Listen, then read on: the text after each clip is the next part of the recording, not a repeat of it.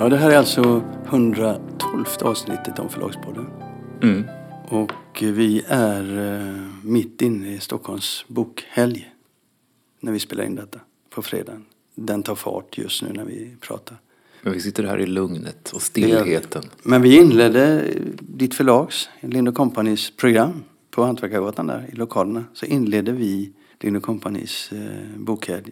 Då valde vi att prata om två saker. En av dem var då hur eh, trion, boken, debutboken Trion har blivit mottagen och debatten i media runt boken Trion. Och när vi tog det då för några timmar sedan så lät det så här. Vi kommer ofta tvåa, trea, fyra, femma på bollen. Ja, eftersom- Ibland är vi etta. Ibland är vi etta, men, men ibland är vi väldigt sena eftersom vi kommer en gång i veckan. Och nu ska vi komma, ta en boll som är väldigt gammal. Den har studsat många gånger. Och det är samtalet eller diskussionen i media runt boken Trion. Som har varit, ni har läst. Är det någon här som inte har följt den diskussionen? Nej, ni alla har gjort det. Så vad kan vi ge er som är intressant i den frågan? Har du något intressant, Kristoffer, att säga i den frågan? Alltså, eh, alla här verkar känna till det men vi kanske ändå bara kort ska dra lite grann bakgrunden. Det har alltså kommit en bok på eh, Norstedt som heter Trion. Den är skriven av Johanna Hedman. Eh, och det här är en bok som på förhand är såld till 22 länder. Och 22 länder idag, det är egentligen inget märkvärdigt antal utan det är massor av framförallt deckare som säljs i de, i de länderna. Men det, är, det här är en litterär roman och den har då hypat som något av det bästa eh, i svensk samtidsroman som har producerats de närmaste 20 åren. Och eh, man har jämfört henne med Sally Rooney och så vidare. Eh, sen kommer boken ut och förväntningarna är jättestora. Det är verkligen en bok som det har talats väldigt mycket om i, i, i- förlagsbranschen och eh, Norstedts har hypat den. Och sen kommer romanen ut, jag tror det var för två veckor sedan eller tio dagar sedan. Eh, jag ska inte säga att den blir sågad, men den får väldigt dåliga recensioner. Eh, Aftonbladet skriver citat, välkomponerad men astråkig, slutcitat. Eh, Göteborgs-Posten skriver, hypad Stockholmsroman håller inte hela vägen. Ungefär så liksom går recensionerna. Att de som, man tycker att den, är, den har brist på drama och handling. Eh, att den är för konstlad, konstruerad.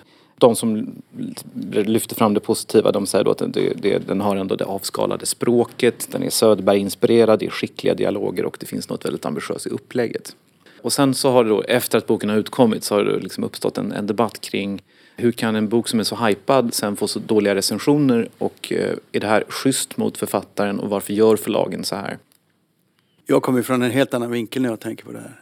En irriterad vinkel. Jag eh, är lite förbannad på kulturjournalister i allmänhet när de bevakar bokbranschen för de fattar så väldigt lite. Och i det här fallet när, så är det ju journalisterna som har gjort hypen. För vad som har hänt är ju att boken, hon kommer med en färdig bok till eh, Norstedts. Norstedts ger manus till eh, de man vill ska köpa boken. Så hypen bygger, om det är en hype, den bygger på manuset. Den bygger inte på löften från Norstedts utan de har haft tillgång till manus. Och det där fattar inte journalisterna. Det där skiljer sig mellan olika böcker men journalisterna har inte fattat vad är det som har hänt. Vad är hypen? Jo, Norstedts kör igång en PR-kampanj och de utgår från framgångarna de har haft. Och eftersom de har fått framgångarna på bokens innehåll så lyfter de ju det. Detta är inget nytt. Detta gör förlag hela tiden. Och så kallade hypar uppstår varje säsong. Finns det hypar. Och här reagerar journalisterna som om de har blivit lurade. ja, det är sant. Och- de, och- och- de reagerar som om de har blivit lurade och de reagerar också som att det, det, det, det här som är det fantastiska med litteratur, att man kan ha olika uppfattningar. Alltså man kan läsa samma bok och komma fram till, till olika slutsatser. Jag tror att det, förläggaren till den här boken, Elin Senner Kaunitz, Japp. Eh, hon, eh, hon har då, är den första personen som har hyllat den och eh, jag tror att det finns ingenting som är förkonstlat i det utan jag tror att är, hon verkligen älskar den här boken och tycker att den är ett fynd och sen så har hon fått med sig andra personer på förlaget så det har blivit en hype. Hypar är ju inte alltid så att ett, ett antal nyckelpersoner på ett förlag låser in sig i ett rum och säger nu ska vi lura marknaden. Eh, den här boken ska vi liksom, utan men det bygger ju någonstans på ett engagemang för texten precis som du säger. Det konstiga är ju snarare att eh, litteraturkritikerna går på det och att sen, de sen blir så förvånade och upplever sig bli så lurade. Och även att bokhandeln går på det. Men det är ju som detta är något nytt, men detta är inget nytt.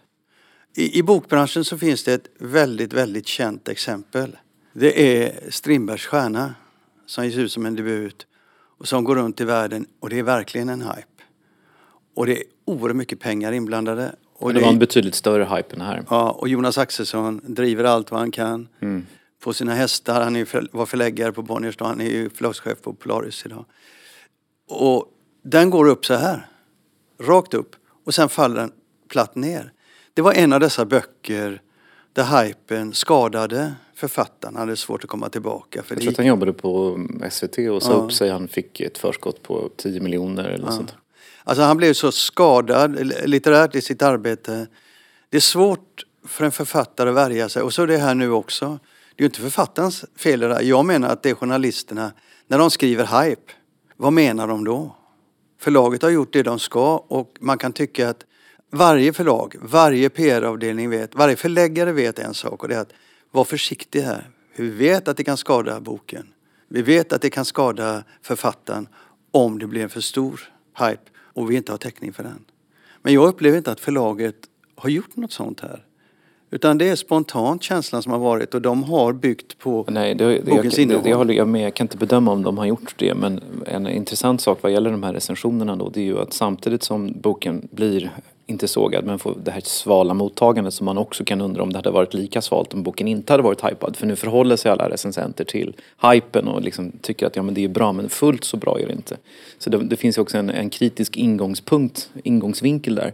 Men samma tidningar som skriver de här välkomponerad men astråkig de har ju i eh, samma, samma dag eller dagen innan så har ju de gjort enormt stora porträtt på den här författaren. Jag tror att mm. DN Kultur hade henne på första sidan. Mm. Så där blir ju också en väldig diskrepans. Eh, å ena sidan så lyfter ju kultursidorna, de har ju gått på hypen och de har ju själva liksom satt författaren på scenen samtidigt då som kritiken i samma tidning inte förstår någonting.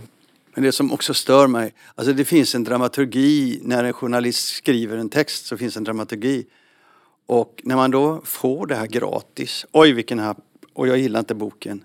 Du lägger samman dem, du får en dramaturgi i texten, du får en effekt i texten. Den är lättköpt och alla tog den. Och jag menar så här att de vet inte vad som har hänt med boken.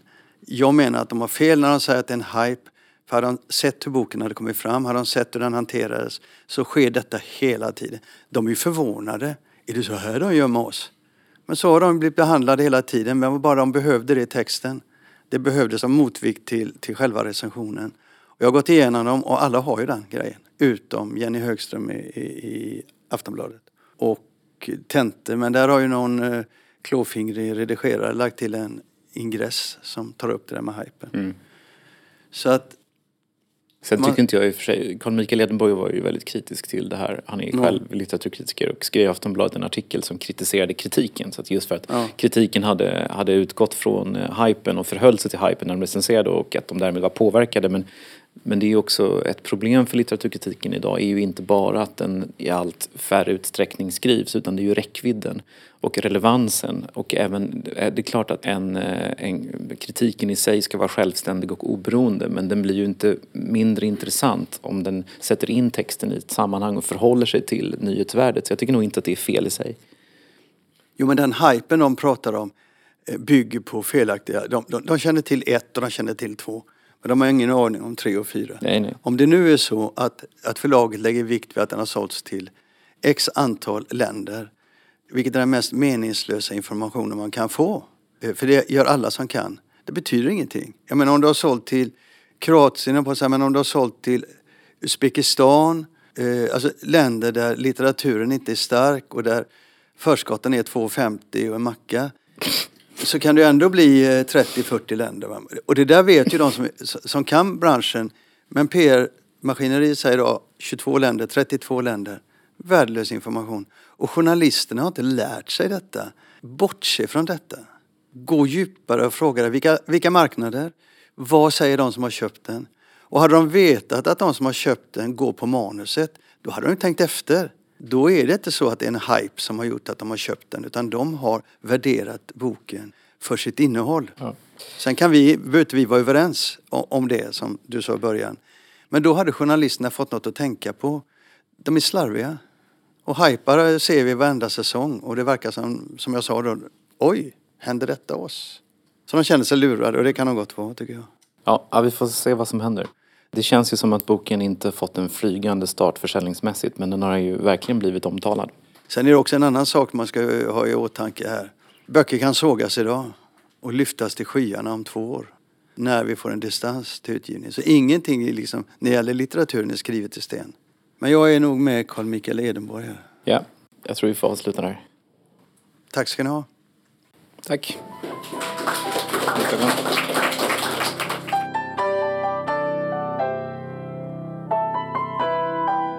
Du, det finns ju lite nu efter sommaren som vi ändå behöver titta lite på.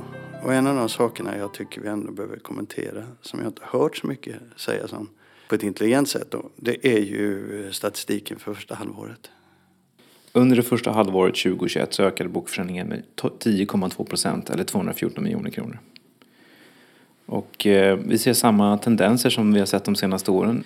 Internetbokhandeln ökade med 14,7 procent, abonnemangstjänsterna ökade med 18,6 procent. Fysisk bokhandel och dagligvaruhandel minskade sin försäljning med 8,0 respektive 1,9 procent.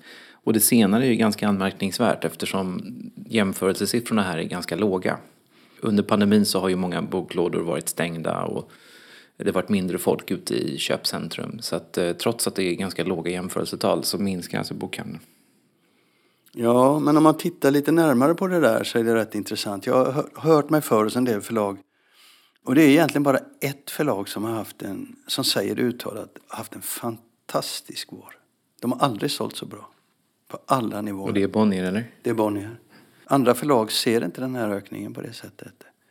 Så att det kan mycket väl vara så att ökningen är en Bonnierökning och att alla andra förlag eh, har mycket svårare. Det är inte så rosenrött som det ser ut här. Och jag frågade då vad det är för typ av böcker som säljer. Ja, det, det är den litterära sidan. Och det tittar man på statistiken när man går ner på siffror så inbundet har ökat väldigt mycket. Och utländsk, alltså översatt utgivning, ökar väldigt mycket.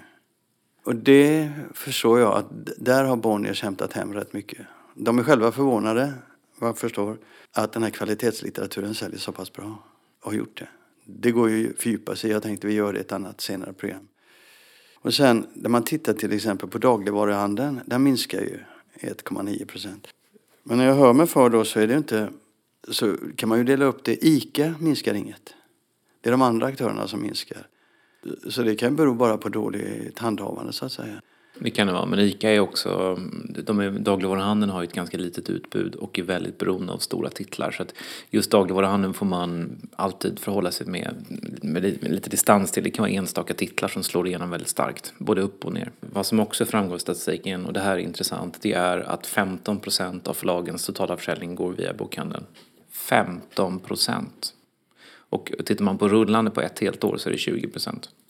Så det är alltså en, den fysiska bokhandeln är väldigt liten och då ska man komma ihåg att av de där 15 procenten så står Akademibokhandeln för 70.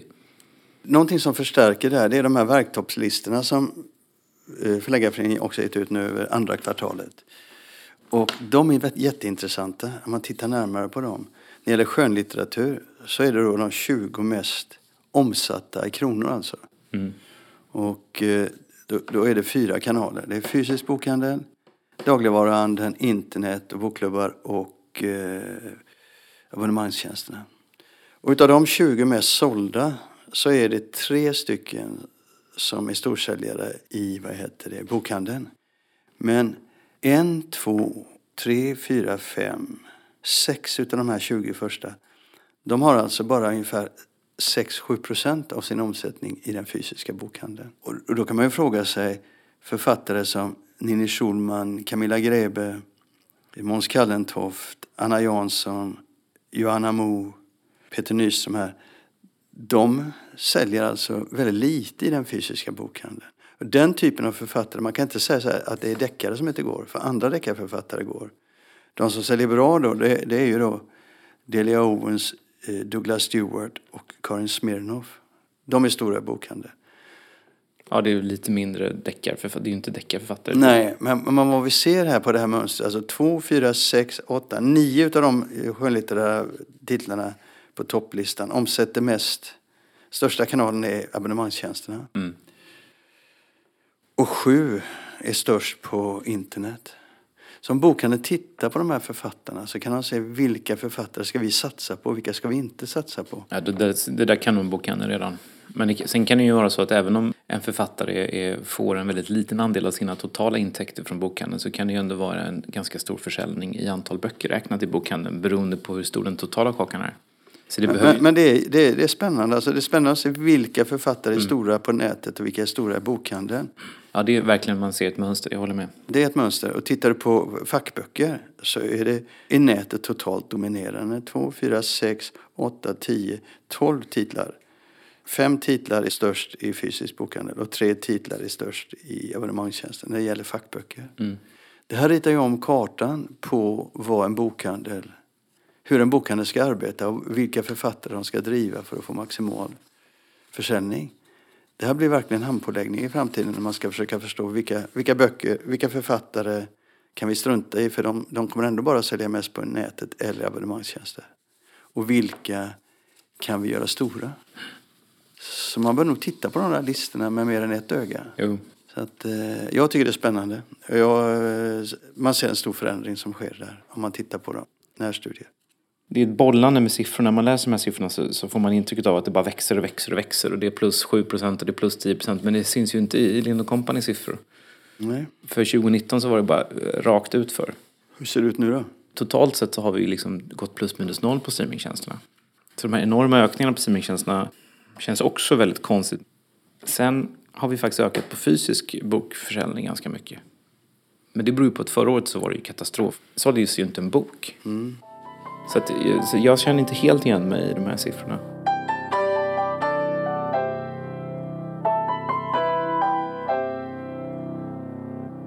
Det är en sak som jag är, lite sugen på att, att, tala om och som egentligen de flesta som lyssnar på oss inte har en aning om. Och det handlar om hur eh, förlagen arbetar med julboksplattformarna. Och då finns det en servicenivå som de, eh, de plattformarna har till förlagen som inte finns en tillstymmelse till inom övriga delar av bokförsäljningen.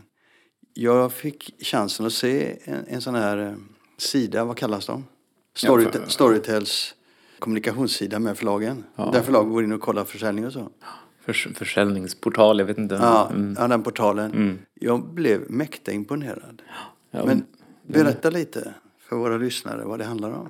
Nej men det är ju alltså man kan se då, förlagen får ju statistik som, eh, som uppdateras eh, varje morgon eller varje natt eller vad det nu är. Så att man kan se föregående dags försäljning och då kan man, då kan man ju ställa in så man kan se, man kan se en viss titel och så kan man se hur många, man kan välja om man vill se antalet lyssningar eller hur många timmar som det har lyssnats. Eh, man kan också kolla på, man kan också ställa in tidsperspektivet så man kan mäta, jag vill se den här veckan, man kan se liksom den här månaden eller de här månaderna, det här med åren. Man kan också titta på olika, liksom man kan, man, då ser man ju de här liksom kurvorna så man kan ju se då hur en bok, liksom, hur den, har, hur den säljer och hur den sen slutar sälja och sådär. Och man kan se då Exempelvis när Tove Alsterdal vann Glasnyckeln så kunde vi ju se att försäljningen gick upp. Kan man se ett tydligt liksom mönster. Där går försäljningen upp, där får hon Glasnyckeln och sen så liksom ligger det kvar och sen går det ner igen och så här. Man kan se hur backlisten påverkas. Sen kan man ställa in det så att man kan ha Ja, man, det är ju inte så intressant för så många andra än Lind Company. Men vi kan se olika språk. Vi kan ställa in så vi ser våra finska böcker eller våra nederländska böcker och. Här. Eh, som ett, som ett instrument för de som jobbar med ljudböcker så är det ju extremt intressant att de får den kunskapen i realtid. De, de, kan alltså göra bättre beslut. De, kan, de vet vilka titlar de ska satsa på. De vet hur de kommer att fungera mm. i stort sett. Och de vet att vi, eh, om vi ger ut en bok nu så kommer detta hända med backlisten i den författarens, den författarens backlist. Så det finns en otrolig mängd information som gör att de kan finjustera sin utgivningsprofil och de kan vara väldigt noga mm. och mer lyckosamma. Mm. Jag blev väldigt imponerad när jag såg den. Mm, Book, det, det är Storytel du talar om nu. Jag pratar om Storytel, för jag har inte sett den. Men Bookbeat har Det var inte min du såg i alla fall. Nej, det var inte din jag såg faktiskt. Men Bookbeat har den också, den har jag mm. inte sett. Berätta, hur ser den ut då? I relation till Storytel? Den är på ett sätt bättre, på ett sätt sämre. För att den har funktioner som Storytel inte har. Som? Eller Storytel, ja. Den, Storytel har de funktionerna men de är kanske inte för, för bara internt bruk tror jag. Eh, nej men de har exempelvis på, på Bookbeat så kan man också se eh, hur många som påbörjar en bok som också avslutar den. Alltså du kan se Finish rate eller vad det heter. Den är väldigt intressant för den säger ju väldigt mycket. Alltså du kan, men den, den, den är knepig om man ska använda den utifrån slags förläggar Perspektiv. perspektiv därför att det finns böcker som drar in väldigt mycket pengar och som har funkat väldigt bra men som har en låg finish rate. Så att det kan ju ändå, om det är en skönlitterär bok då får du problem med del två. Men, men eh, om det är en biografi så behöver det egentligen inte vara ett problem. Därför att Den har ändå dragit in pengar. du menar att den drar in eh, tillräckligt många läser två tredjedelar av boken innan de tröttnar? ja. Det kan hända. Alltså det, jag har en del titlar som när man ser på finish raten så, så, så, så, så blir man bekymrad. Men hade man bara sett på försäljningen så hade man tyckt att det här var bra. Ambitionen är ju att folk ska lyssna klart på dina böcker. Och då kan det ju vara så att hade boken varit, det är någonting som gör att folk slutar lyssna. Man kan inte se när de slutar lyssna, man kan bara se en procent när, att de slutar. Och det är klart att man hade ju tjänat mer pengar om man kunde få hålla kvar lyssnarna. Så det är klart att det är som är ambitionen. Men det finns, det finns liksom böcker som har gått bra som ändå har en låg finish rate. Sen finns det ju böcker som har en hög finish rate men som inte alls har gått bra. Och det kan ju vara för att det är något väldigt nischat ämne där folk har specialintresse eller det kanske är något något, eh, något litterärt. Så att där, där liksom, den statistiken får man ju verkligen förhålla sig till med viss distans och lite kritiskt tänkande. Men, men den har Bookbeat exempelvis. Eh, sen har Bookbeat, eh, det är svårare att få fram de här linjerna. Du, du kan inte, du har inte, Storytel har ju väldigt, väldigt fin såna här kurvor och grafer som du får. Eh, de, de, har inte story, som, de har inte. Och Bookbeat har också månads... Du får, du får ut statistiken månadsvis. Du kan inte ställa in serier. Och Nextory?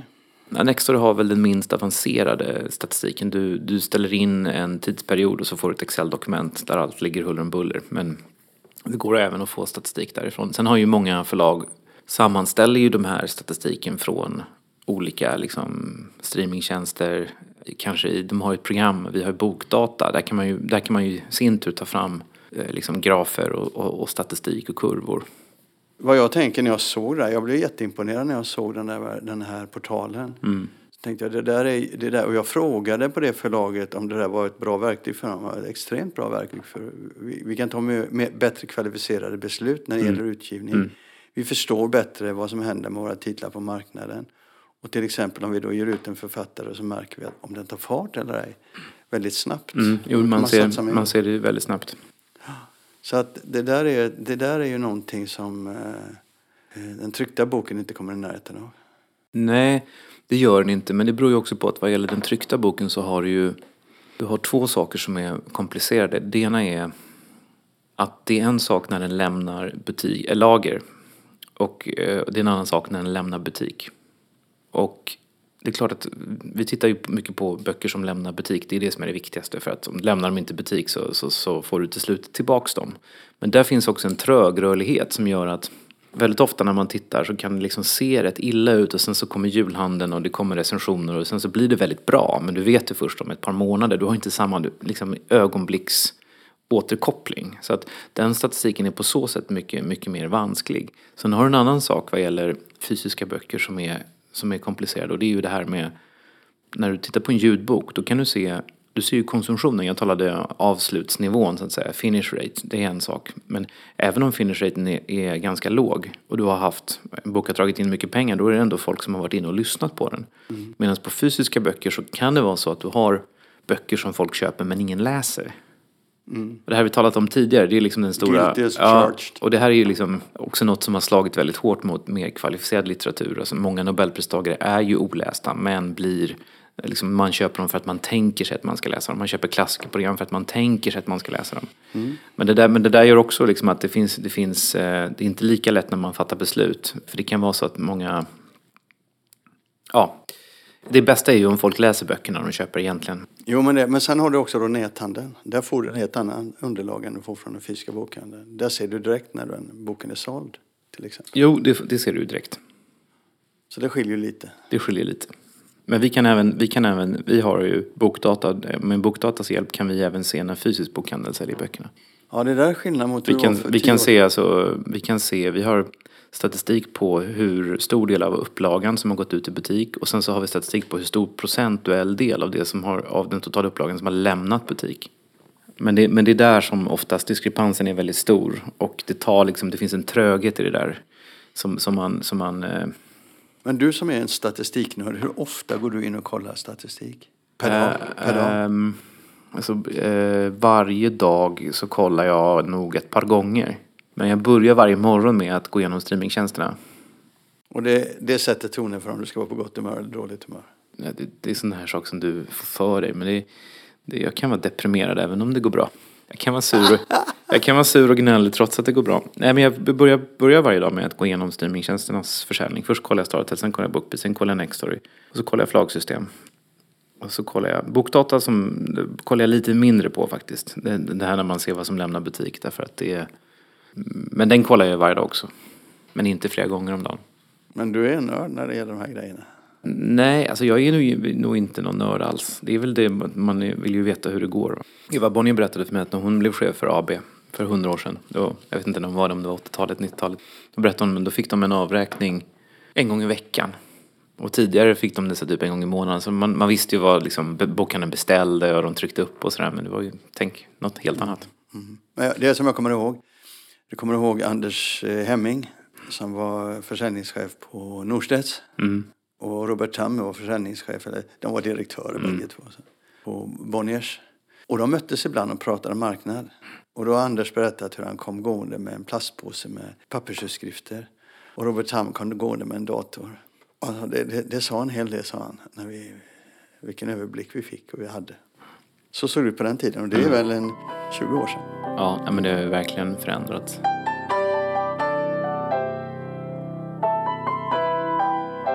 Följande inslag är ett samtal som jag har med eh, förlagschefen på Tukan förlag, Christian Bang Melchior. Jag var lite sugen på att veta hur eh, det går med eh, tryckeri, att trycka böcker i Kina i den här situationen som har varit.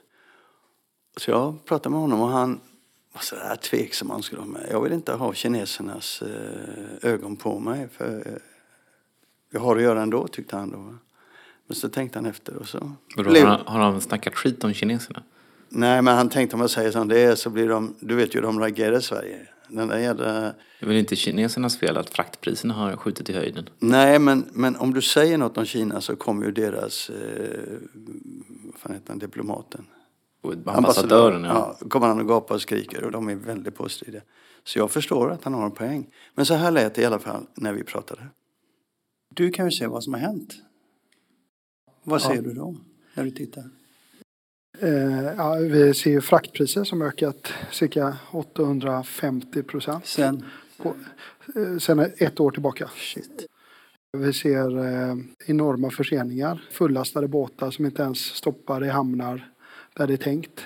Vi ser eh, eh, kaos på eh, containersidan. Container på fel plats men båtar är också på fel plats. Båtar kommer redan fullastade och hoppar över hamnar precis som en fullastad buss passerar en hållplats. Och det har vi aldrig sett tidigare. Och, Var eh, sker detta? I Kina, eh, framförallt i Kina.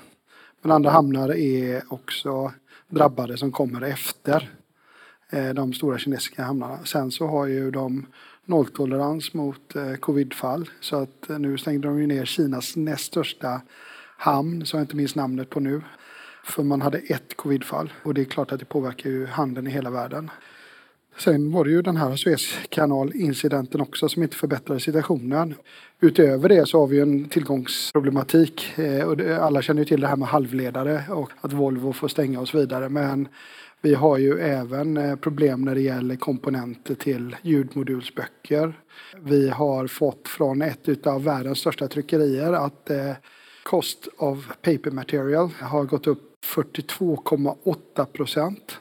Och papper till målarböcker har ökat, eh, det beror på vad det är för papperskvalitet då, men den här ungefär 65 procent på ett år. Och överbelastade produktionskedjor så att eh, det är eh, kaos kan man lugnt säga.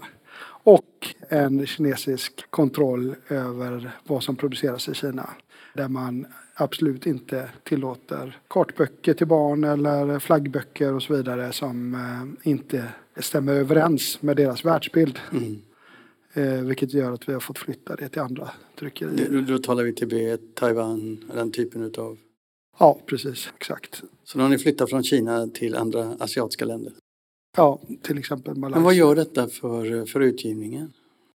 Ja, jag tror att det kommer vara en brist på en viss typ av mer avancerade barnböcker där det inte finns en eh, möjlighet att trycka dessa i eh, Europa. Vi trycker också så mycket vi kan i Europa men boardböcker, eh, alltså eh, som är tryckt på kartong, är svårt att trycka i Europa. Är det luckor, eh, klistermärken, pysselböcker, den typen av så här är svårt att trycka i Europa. Okej. Annorlunda bindningar och sådant. också. Men betyder det att ni har fått fördröjningar i utgivningen? Eh, ja, vi har varit väl medvetna om situationen och gjort vårt yttersta men eh, viss, viss fördröjning har vi fått och vi ser ju ingen Ljusning? Som... ljusning där. Och det är väl också så här att eh, vi har planerat för de här eh, problemen. Men eh, ja, vi ser vissa eh, senkomna grejer. Mardrömmen är ju att få in julartiklar i januari. Eller hur? Men, men vi hörde från vår speditör som sköter transporterna från Asien att eh, det var många av deras kunder som fick in påskvarorna här i våras efter påsken. Och då ska vi komma ihåg att eh, böcker tar inte så stor plats i en 20-fots container. Och eh, den här problematiken är ju inte eh, någonting som bara är för bokbranschen utan det är ju datorer och grillar och Allting. möbler och allting. Men, men, men sådana höjningar, kan ni ta ut dem i slutpriset? Nej, det kan vi inte. Vi kan bara försöka att vara försiktiga med det. Men det som är beställt är ju beställt. Och där får vi ta smällen i stort sett. Vissa små prisjusteringar försöker vi genomföra och kunderna eh, skulle jag säga är ganska förstående och medvetna om det här från annat håll också. Så att eh, tror eh, det är ingen som inte har hört talas om den här. sådana, sådana, sådana prisökningar, 850 procent, Ja. det är ju ma- eh, makalösa. De har man aldrig hört talas om för. Nej, nej, och det här är ju eh, folk som har jobbat i rederibranschen hela sitt liv. Har aldrig sett något liknande heller. Så att frågan är vad det får för konsekvenser. Men, men det kommer ju få större konsekvenser än eh, bokbranschen givetvis. Jo, men frågan är, försöker ni gå över att, eh, att trycka lokalt? Sådana här fluktueringar har vi sett genom historien. Och det dyker upp nya tryckerier, det dyker upp nya möjligheter hela tiden. För det är klart att konkurrenterna i Europa ser vad som händer och inser att här kan vi nog kosta på oss en satsning för den kan gå hem ekonomiskt. Ja. Jag tror att de här tryckmaskinerna är så pass komplicerade så det här är ingenting man gör i en handvändning. Jag tror att alla eh, som sitter på rätt sida är tacksamma för den extra marginal man kan plocka ut nu. Ja, alltså, det är väl en förskjutning i världshandeln överhuvudtaget som vi kanske får se de närmsta åren. Och kanske inte så just in time beroende produktion. Men eh, det är ju bara spekulationer. Från en amatör. Ja, till en amatör. Ja. Tack Christian, jag klipper över till nästa ämne i podden. Tack.